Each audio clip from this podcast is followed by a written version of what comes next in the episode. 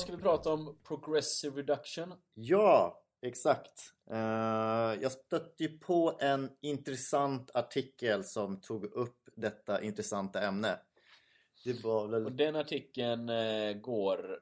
Den, är, den artikeln är länkad i uh, beskrivningen på podcasten så om ni vill läsa den innan vi diskuterar kring den så rekommenderar vi att ni ja, gör det nu. Den är inte så lång. Nej, precis. Lång historia kort i alla fall så tittar de på möjligheterna med Progressive Reduction. Ska du eh, förklara vad det är först? Progressive Reduction handlar egentligen om att man förändrar ett gränssnitt över tid. Det vill säga i det här fallet plockar bort element som kanske inte är helt nödvändiga för användare som blir bättre på att använda ett gränssnitt och med hjälp av kanske muskelminne eller bara inlärningseffekter lär sig hur allting är uppdelat. Och på så sätt kan man göra ett lite cleanare gränssnitt. Det fanns ett fint citat i den artikeln som säger Elegant interfaces are ones that have the most impact with the least elements. Ja, och det, det, går väl tillbaka till den här klassiska liksom att great design is invisible eller vad det är mm. man säger liksom att bra design syns inte. Mm. Okej, okay, men precis. Så det handlar liksom om att ju mer användaren lär sig om ett gränssnitt desto mindre tydligt är gränssnittet. Precis, exakt. Men är det bara, ja men om vi tar um, Layer Walt som exempel. Där kändes det mycket som att det var en alltså, och, det, och, även den här artikeln pratar väl mycket om så att, det, att man Han öppnar med att säga Jag älskar stilren design liksom. Mm. Men är det mest ett design uh, Alltså jag förstår det. Det är klart att eh, man vill ha en ikon istället för ikon och text liksom. Men samtidigt så här, det känns jävligt mycket som att det bara är en, eh, en formfråga. Nej, alltså för det är inte det eh, jag tror han vill förmedla. Eh, utan det det handlar om det är att egentligen utmaningen vi UX-designers, designers generellt ska jag säga, hamnar i när vi sitter och Eh, jobbar ut saker. Vi tenderar till att designa väldigt ofta för proffsanvändaren. Det vill säga den som har koll på hur gränssnittet fungerar och vet hur saker fungerar. Och det är, jag tror att det är naturligt. För att vi måste bottna i ett problem och ju mer vi lär oss ju närmre hamnar vi just den användaren i princip.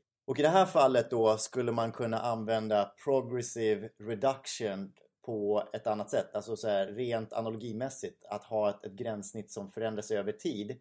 Till att kanske då först eh, lansera ett gränssnitt som, som egentligen över tid landar i den situationen. Men till en första början har mycket mer stöd och hjälp än eh, den slutgiltiga designen. Det jag tänker på direkt är ju att man har kanske en ikon och så har man en text under. Mm. Och sen så till slut då när användaren har lärt sig det så har man bara ikonen. Mm. Det, det, jag kan säga det, det, det, det som fick mig egentligen att här, reagera på den det är, var någon slags igenkänning. För när jag själv har suttit och jobbat och man har hittat ett koncept man börjar jobba ut konceptet och eh, börjar närma sig lansering och sen så, liksom så här, ska det nå ut till, till användarna till slut. Så har jag varit med om att det har kanske ibland då blivit ett, eh, en ganska stor förändring som användare normalt sett har reagerat väldigt negativt på. Eh, det finns ett begrepp för det här. Jag tror att det heter change aversion. Att man inte gillar förändring speciellt mycket. Just det, det är bara att kolla på Facebook varje gång de gör om. Att alla går och startar grupper, det första man gör om hur mycket man hatar nya designer. Liksom. Precis, exakt. Och det fick mig att fundera på liksom så här, vad gör vi egentligen för att underlätta den här övergången? Eh, jag tyckte att den här artikeln belyste just Progressive Reduction som en ganska så intressant metodik för att bädda för det nya i princip. Okej, okay, vadå att man gör det övertydligt först och sen så gör man det Ja, exakt. Snyggt, eller och, smart.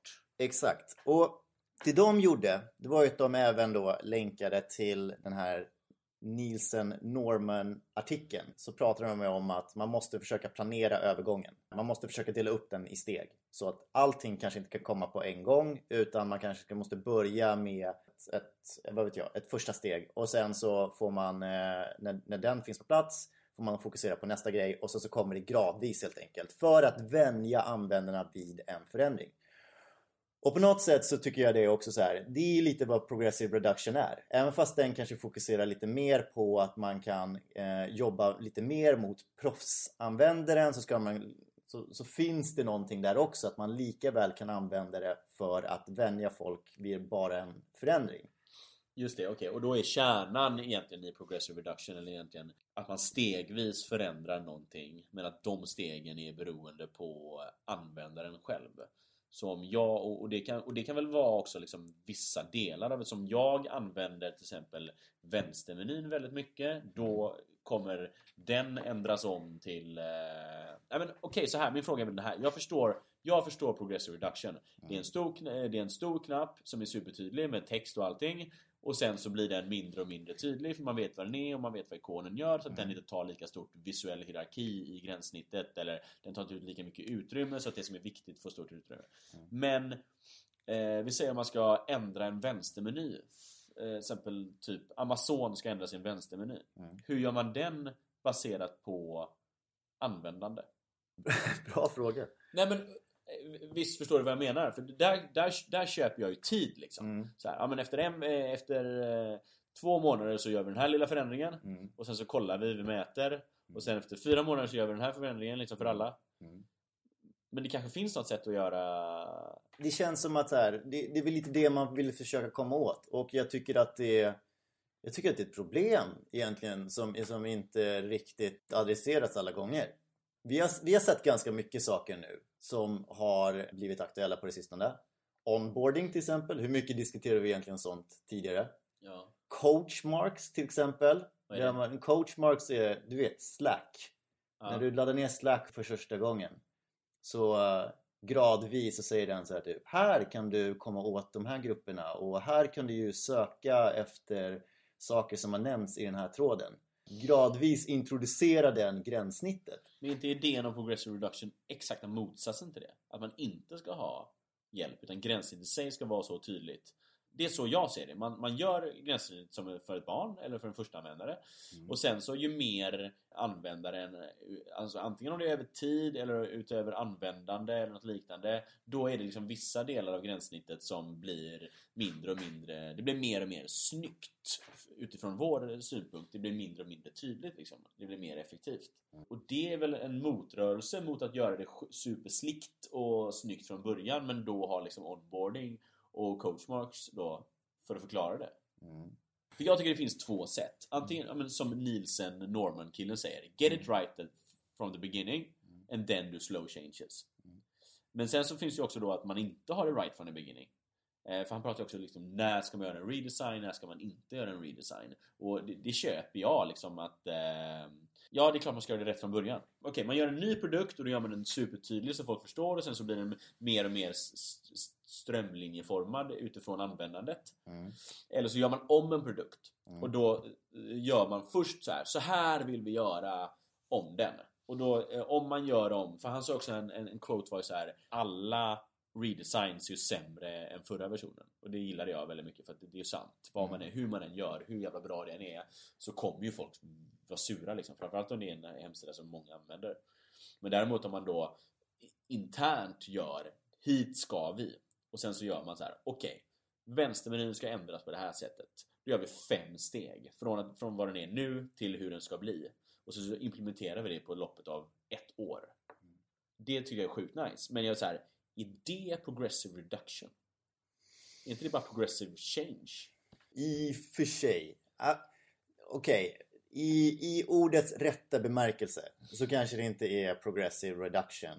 Uh, men för mig så, hand, så är det inte det det handlar om. För att jag tycker att båda, båda, båda metodikerna adresserar samma sak. De försöker hjälpa användaren över tid.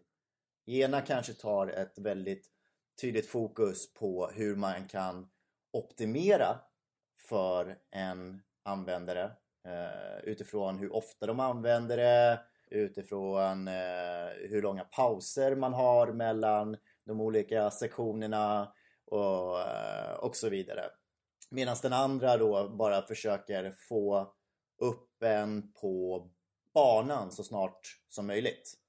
Oavsett så försöker liksom så här, båda två ändå adressera någon form utav inlärningskurva som man måste ta sig igenom för att kunna använda tjänsten på rätt sätt. Ja, okej. Okay. Ja, det, det, stämmer liksom. Men okay, men jag, jag håller i och för sig med om att man ska göra små förändringar över tid hela tiden. Liksom. Men jag menar, det, måste, det, det finns ju jättemånga tillfällen då liksom en radikal redesign har varit sjukt bra. För jag menar, eh, många pratar om det. det är liksom, man kan ju höja sin userbase enormt med en redesign. Det är klart man kan göra väldigt många sura också. Liksom. Men, ett klassiskt exempel är Aftonbladet när de skulle redesigna sin sida. Och så bloggade de i ett halvår och så släppte de en sida som var exakt likadan som den förra. Mm. Då blir man lite så här. Då förstod man ju inte varför de ens gjorde det. Liksom. Mm. I deras fall så... Eh, de gjorde väl en progressive reduction om något kanske. Ja men det, det blir ju lite det. Liksom så här, vad, vad fan ska man göra? Ska man göra en Ska man göra en, en stor redesign? Eller ska man göra en gradvis förändring? En stor redesign ska man väl göra? Det är bara att man inte gör den i ett... Eh, Okej, okay, så här. Det som jag tycker är bra med byråer är att man gör eh, North Star-lösningar. Liksom. Detta är det bästa vi kan göra. Detta är det coolaste just nu. nu det här är den bästa... Vi ser om vi gör en e-handelssida. Detta är den bästa e-handelssidan i världen. Och sen så finns det massa saker vid sidan om, typ eh, företagspolitik, eh, tekniska lösningar, budgetfrågor och sådana saker som gör att det inte når fram dit.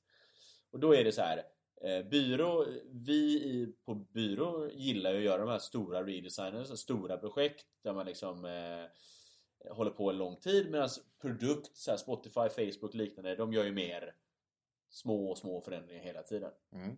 Och båda metoderna har bra och dåliga med sig. Liksom. Men det det här känns som är ju som att man gör en blandning av båda. Man, må, man gör en förändring. Detta, hit ska vi. Och sen så gör man fem steg. Så här kommer vi hit. Men det känns också så här. Är inte det fem gånger så mycket design för någonting som kanske måste... Som inte ens görs? Jo, äh, absolut. Det blir väl mer jobb. Men, men man får ju ändå titta på i, i slutändan hur det kommer tas emot av användarna. Om det finns en stor risk att man kommer tappa och skapa en massa frustration om man liksom nu eh, gör, släpper redesignen på direkten. Vågar man riskera det och, och, och köra på den tekniken jämfört med liksom att släppa det gradvis? Okej, okay, man gör den här lösningen då som är sjukt jävla bra och så, så bara, vi ska komma hit på ett eller två år. Mm ett eller två år är för fan hundra år typ i, i, i verkliga världen. Allting kommer ju förändras liksom. Ja. Så hur, hur fan bygger man in i processen då för att det är klart att det som är bra med så här, man gör ett snäpp och sen så mäter man och lär sig och sen så tar man in det. Så på, slut, på slutet så kanske det är en helt annan lösning. Men om man lär sig en sak om vänstermenyn och lär sig en annan sak om huvudbilden så kanske de spretar åt olika håll och den här assnygga redesignen man gjort där man har liksom fått ihop allting, alltid samma koncept, alltid samma hör ihop kanske inte blir det på slutet liksom. Och då kanske det inte alls blir. Var del för sig kanske blir bättre. Eh, progressivt hela tiden bättre. Men helhetslösningen kanske inte blir det. Hur håller man ihop det liksom? Ja. Jag menar två år, fan det är liksom... Eh, konsulter kommer ju sluta liksom. ja, det finns ju en, en, en överhängande risk att, att, att, att de gör det. Man tycker väl visserligen att projektet ska väl ändå försöka kunna överleva utan att liksom en person är, är närvarande eller inte. Men det är, jag, jag tycker det, det, är en, det är en intressant en intressant fråga som vi sällan diskuterar.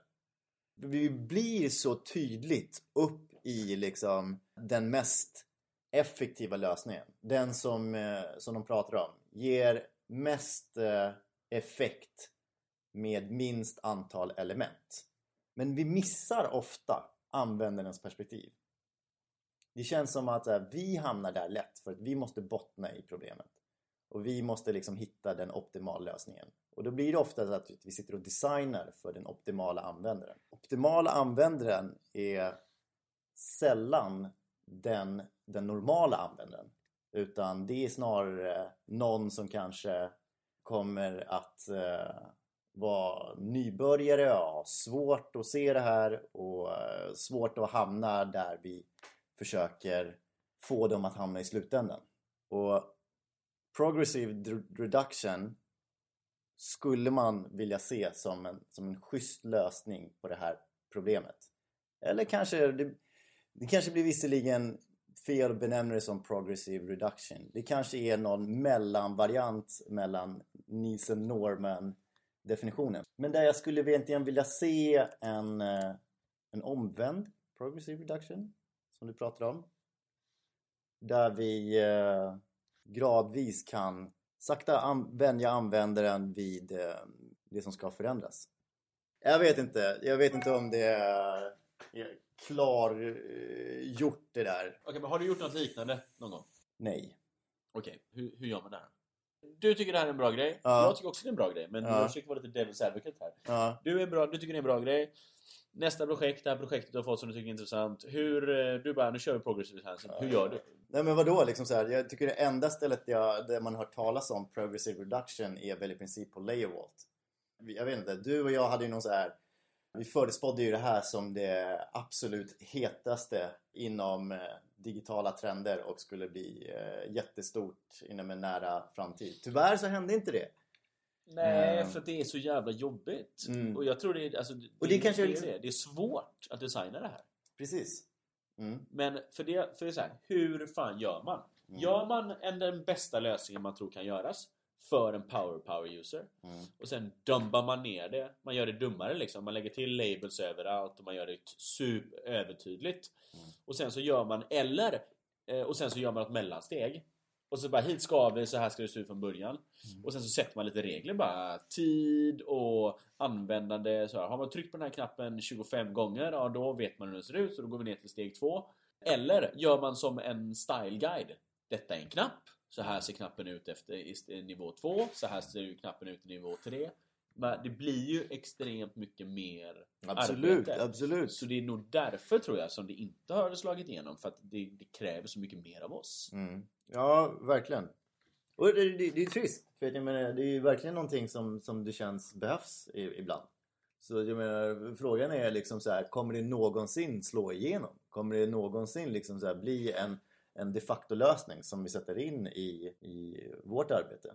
Jag tror det blir jävligt, framförallt tror jag det blir svårt för oss, för alltså konsulter. För, eh, för jag tror att det behövs den liksom Ja men det behövs en produkt och det behövs en Liksom det tänket. Men samtidigt, jag tror att konsulter, vi byråer är på väg mot produktdesign. Mycket av grejerna vi gör är inte, det är inte oftast inte en redesign eller en webbsida utan det är oftast liksom att man ska bygga en produkt åt några och eh, jag sitter lika mycket med så här MVP och roadmaps och versionhantering som jag sitter egentligen med liksom omvärldsanalys tycker jag Mm. nu för tiden. Men Alltså det här får man tänka väldigt mycket på den här. Kommer du ihåg den här diskussionen om hamburgermenyn vara eller inte vara? Och så kom de här eh, så jävla hjärndöd död diskussion. Eh, och sen så var det någon som hade gjort en jävla användartest och han kom fram till att en knapp som hade både hamburgermenyn-ikonen och, Det stod meny. och det stod meny, den performade bäst. Mm.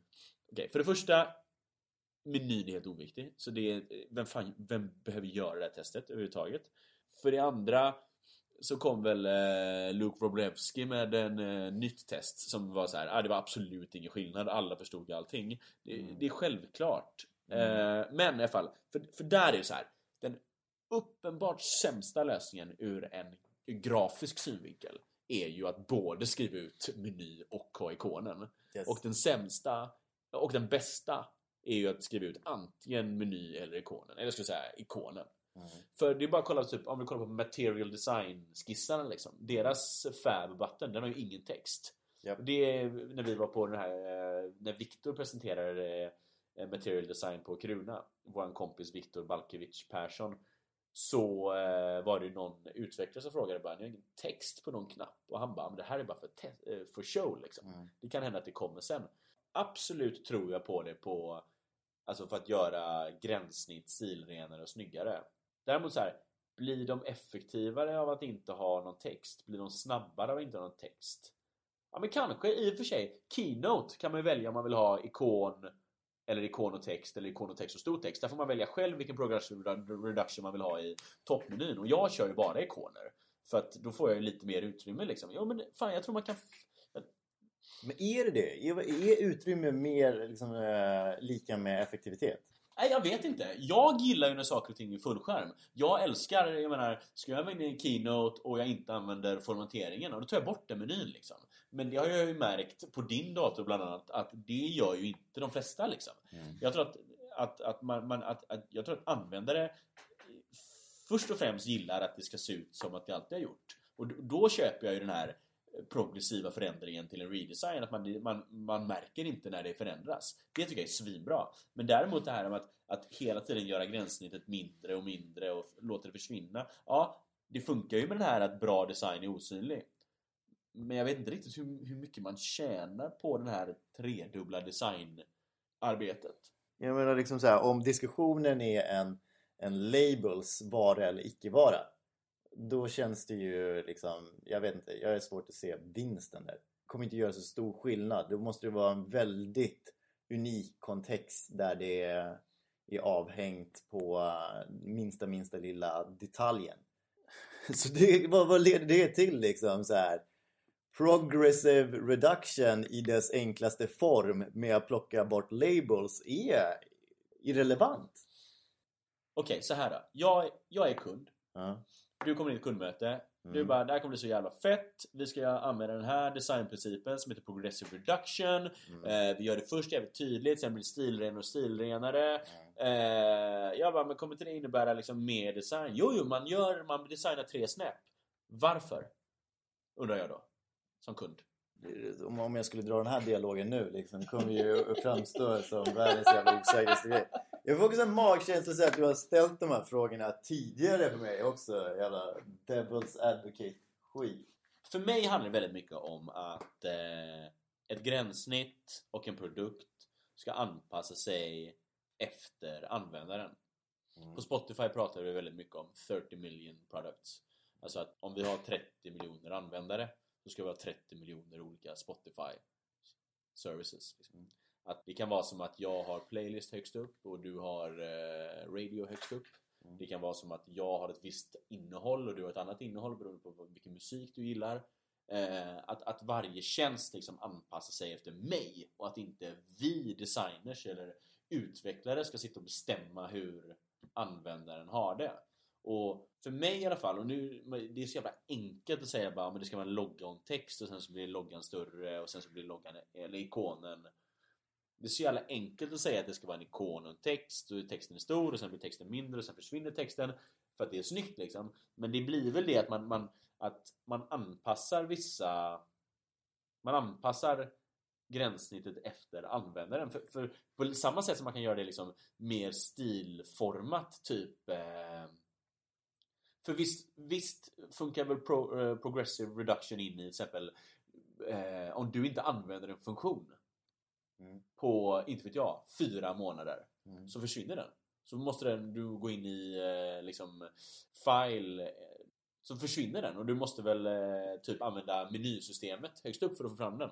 Förstår du? Mm. Att gränssnittet liksom dels gör det mer strömlinjeformat för, för det du använder mycket men också att den tar bort grejer som du inte använder så att äh, gränssnittet anpassar sig efter ditt användande. Ja, det är väl om något liksom så här att eh, den blir liksom mer personaliserad. Att funktionerna som du använder rättar sig ut efter dig. Men, men skulle du vara med på det? Skulle inte det liksom vara egentligen så fruktansvärt, liksom, om något, change aversion? Att folk blir sura helt plötsligt. Så att, typ att den börjar plocka bort en massa funktioner. Jo, men alltså okej. Okay. Rochelle King, eh, som är design director på Spotify. För jag, jag vet att vi satt mycket och pratade data och sådana saker. Och då var det ju ofta så ville man ju göra det jävligt smart liksom. Så här, men vi gör en eh, algoritm och så gör, du vet, känner man, gör man det här så gör vi det här så gör vi det här. Och hon sa alltid liksom så här, så fort man försöker göra det smart så blir det korkat. Göra A och B-tester och så utifrån det du vet, sätta användare i olika fack. Det här är en pro-user, det här är en eh, lean backer och sånt. Och sen anpassa allting efter det. Det kommer ingen gilla liksom. Mm jag, jag håller inte med henne för det första. Men däremot så har hon nog rätt. Hon är jävligt mycket smartare än mig. Men, ja, men jag vet inte. Jag menar, det, det, det viktiga är väl att sätta... Det svåra här är väl inte att sätta designen utan att sätta reglerna. För hur fan vet vi liksom? Mm. Och, och det, ja, men om man inte använt... Men okej, Word. Bra exempel. Mm. 90% av alla eh, förslag på funktioner som kommer in till Word, de funktionerna finns redan. Mm. För det finns så jävla mycket funktioner. Mm. Men om, om, om Word hade varit ett program där man... Jag använder aldrig liksom tabellerna i Word. Att den då försvinner från huvudgränssnittet och åker in i liksom ett sekundärt gränssnitt kanske... Ja men du vet när man trycker på file där uppe i, eh, i menyn istället. Mm. Då blir det ju till slut att bara de grejerna jag använder är i den här eh, toppmenyn. Mm. Ja men eh, fan... Fast det stämmer, alltså så här, ja, och det håller jag med om. Men jag, jag, jag, jag vet inte, på något sätt så känns det som att det, det stämmer inte. För att också så här, när jag då kommer använda Word så kommer jag bli, liksom ju oftare jag använder det, desto bättre kommer jag bli. Desto mer funktioner kommer jag använda. Har du liksom någon gång liksom kommit igång med ett program och sen så helt plötsligt liksom, du blir ett pro och sen så sakta men säkert börjar du använda mycket fler funktioner. Jag vet inte vad det skulle kunna tänkas vara Jo. på något, för något program. Jo. Men liksom så här, ska den då gå parallellt med att den plockar bort vissa funktioner? Någonstans kommer det här bara korsas. Och bara liksom så här. Ja, nu är jag redo för att ta nästa steg. Och sen så bara what the fuck? Vad är alla funktioner? Kan, vi, så- kan vi lägga av och köra liksom amatörnivå? Då, då känns det som att... Jag vet inte, det känns inte som det håller.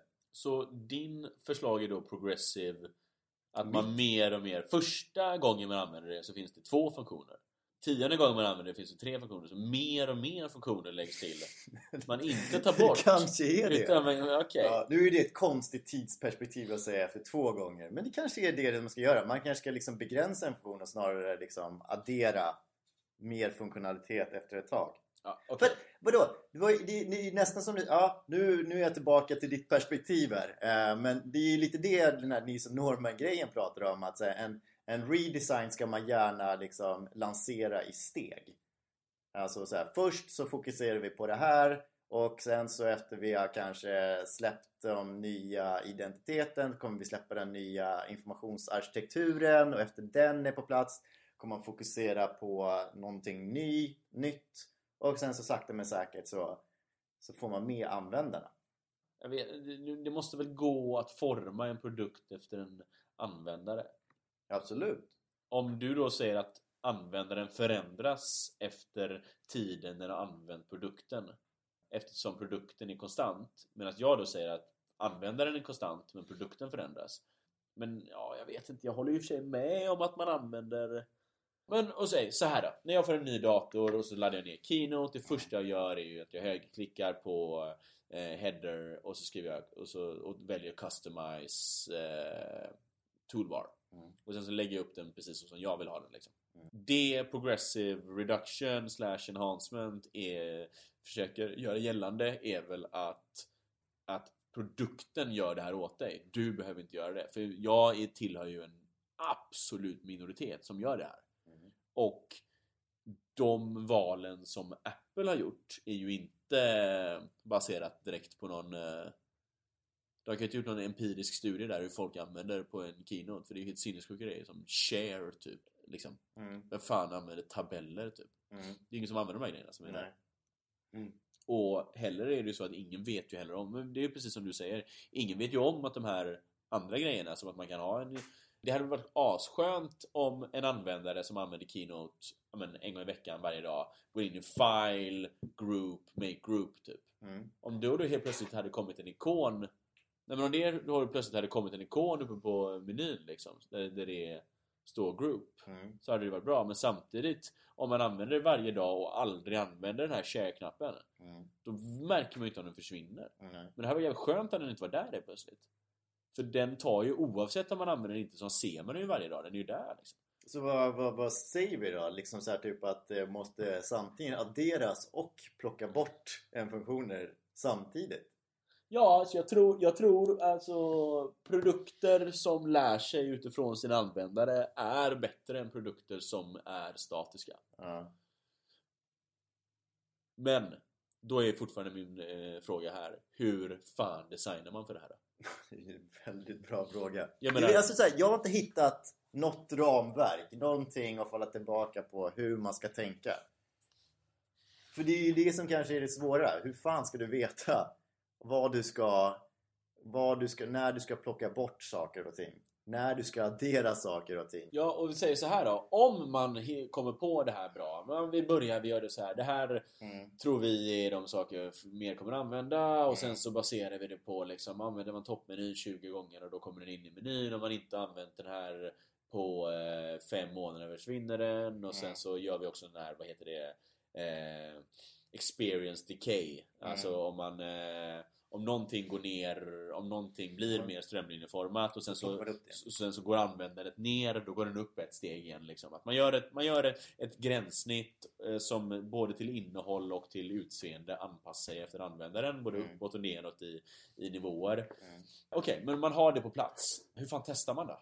Hur A och B-testar man någonting om varje produkt ser helt annorlunda ut från eh, varandra? Det är jävligt svårt att veta Vad är vad som produkten? funkar. Man bara, ja men den här playlisten går skitbra för de som har playlist på sin meny. Ja det är klart, för de är ju playlist-personer liksom. Så, Ja. så hur gör man då? Ja, det, det är, är så bra. Men det, det är kanske typ att eh, definiera upp tydliga användargrupper. Nybörjaren, medelanvändaren, proffsanvändaren. Eh, användaren. Det känns som att man förenklar det hela då. Jag tror att vi, vi, vi saknar, vi saknar någon, någon, någonting som behövs finnas på plats innan vi kan börja arbeta ut efter det här sättet. Jag sitter mycket med så här, ja men MVP, vi ska inte göra stora redesigner, vi ska börja smått och kolla Mm. vad som funkar, lära oss på varje steg, lära oss varje release. Mm. Inte sitta och utveckla ett år och sen släppa med buller och brak liksom. Och och det, det tror jag, för det, det tror jag är vägen som vi måste gå som konsulter. Vi kan inte vara de här eh, 5000 timmar och sen eh, skyller vi på kund, skyller vi på klienten liksom. Mm. Men däremot så tror jag att det kan ju vara, vi säger att vi ska göra en redesign av en sida och sen så hittar vi så här, här är det störst pain point, eh, men så här, bokningsflödet är sämst. Ja men då, då gör vi bokningsflödet först och så kollar vi om det funkar och då så gör vi de här fem stegen i Alltså vi delar upp det i ännu mindre steg så här, men först ändrar vi det här, först ändrar vi grafiken och sen Mm. så sen ändrar vi, eller först ändrar vi flödet, sen ändrar vi Mm. grafiken. Att man hela tiden gör det i så här inkrementella förbättringar. Det tror jag är ett jävla annorlunda tänk för Mm. oss timbaserade konsulter. Mm. Men också säkert sjukt jobbigt för eh, kunder, beställare mot oss. Och bara, ah, vi gör lite sköna grejer typ. Mm. Men jag tycker inte det. Jag tycker att det är en separat diskussion. För det, det jag är inte riktigt där jag ser att det här är tillämpningsbart på.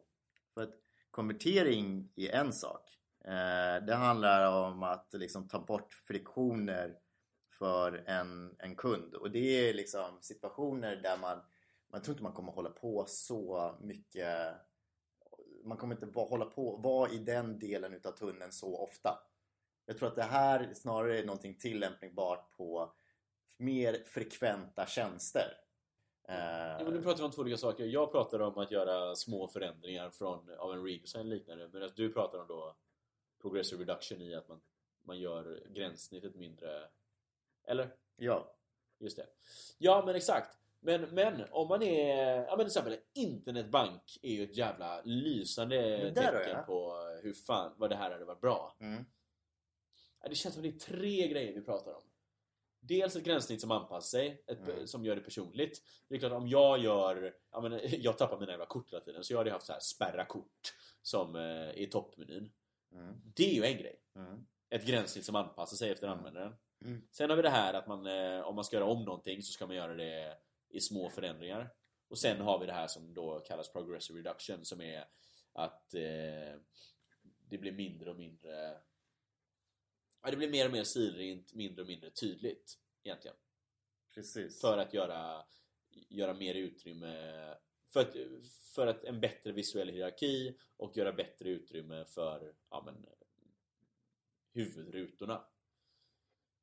Mm. Men kan du komma på något, något projekt som hade varit som du har gjort som hade varit liksom som hade passat svinbra för för jag sitter och tänker på de projekten jag gör nu och det är liksom inte jag ser inte någon egentligen någon jättestort behov av eh, progressive reduction. jag har ju jobbat en del med banker. Det är så, eh, visserligen så, så eh, touchar väl vi mest på de öppna sidor, alltså de sidor du kommer åt när du inte är inloggad. Eh, men eh, vi, de rådfrågade väl oss en, en hel del om hur de skulle förändra de inloggade sidorna också. Och där, som sagt, där hade det ju varit perfekt med att försöka väcka sådana här diskussioner. Just uh, hur man kan anpassa gränssnittet över tid. Ja men precis, för det är väl så det är. Det är liksom, man måste vara inloggad, man måste vara, det måste vara ett, liksom ett, ett, ett, e, en sida eller en tjänst man använder ofta liksom, för att mm. det här mm. ska vara rimligt. Mm. Mm. Och det känns som att hela den här uh, diskussionen med med att folk blir frustrerade över förändringar hänger ju på att det är någonting som man använder ofta. Någonting som man har lärt sig, eh, lärt sig att eh, använda och man har, man har liksom tagit sig förbi inlärningskurvan i princip. Eh, och det är ju då när förändringen kommer och jag måste börja om igen då frustrationen uppstår. Eh, om det är någonting som jag använder sällan och det kommer eh, en, en redesign då är det väl skitsamma för att jag vet fortfarande inte hur det såg ut förra gången. Så det är väl kanske, det är kanske där vi har det liksom att när det är en, en tillräckligt stor användarbas att eh, det finns flest eh, lojala kunder det är då det är extremt viktigt att titta på eh, progressive reduction Eh, progressive, vad, ska vi kalla för när man adderar funktioner? Ja, alltså progressive enhancement är redan taget av en annan grej. det är väl när man gör det snabbare för... för eh, progressive addition? Det måste ju vara någonting adderande. Ja, ja det är sant. Det är ja. sant. Och sen så även då att den bara generellt anpassar sig. Ja, men för jag tror att det här liksom, det, det, det kokas ner i... Kommer du ihåg när så här 4-5 år sedan så gjorde man så dashboards och så gjorde man en stor grej att eh, användaren själv skulle kunna customisa den liksom. Man kan göra det yep. exakt som man vill. Mm. Ja, det är ju bara bullshit. Mm. Det är skitdåligt. Mm. Däremot att dashboarden anpassar sig utifrån användandet. Ja, men det är det man brukar säga så här, du vet, göra en användarstudier där man frågar användare vad de har. Det är helt jävla onödigt. Men däremot att kolla på datan, hur de faktiskt använder tjänsten, det ger jättemycket. För där kan man liksom, vilken prioritering ska man ha? Det, ska man navigations... Eh, liksom vara etc. Det kan man avgöra utifrån vilka, liksom, hur folk använder, hur folk rör sig och använder sig på riktigt liksom, utan att någon kollar på dem så, så det, är väl, det är väl det det mynnar ut i liksom att gränssnittet ska lära sig användaren användaren ska inte lära sig gränssnittet. Okej, idag ska jag tipsa om en podcast-app. Den heter Castro Vi har faktiskt nämnt den i tidigare avsnitt eh, När vi pratade om, eh, i första avsnitt 1 Vi pratade om sökordsoptimering på appnamn. Men om ni är Apples podcast-app är ganska dålig. Eh, och den här är mycket bättre. Den har snyggare design. Den, till exempel så anpassar den sig efter artworken. Den är ganska rolig, de har gjort ganska många roliga designbeslut som till exempel att visa artworken i en cirkel. Eh, vilket är sinnessjukt. Men det gillar man starkt. De har eh, jävligt snygga interaktioner och en kul grej var också att, att gå back genom att dra tummen från eh, skärmkanten, eh, vänster skärmkant var de Den har de i deras app, men den fanns där innan Apple la in den som en default eh, navigering. Eftersom ni lyssnar på det här så gillar ni podcast så jag rekommenderar appen Castro.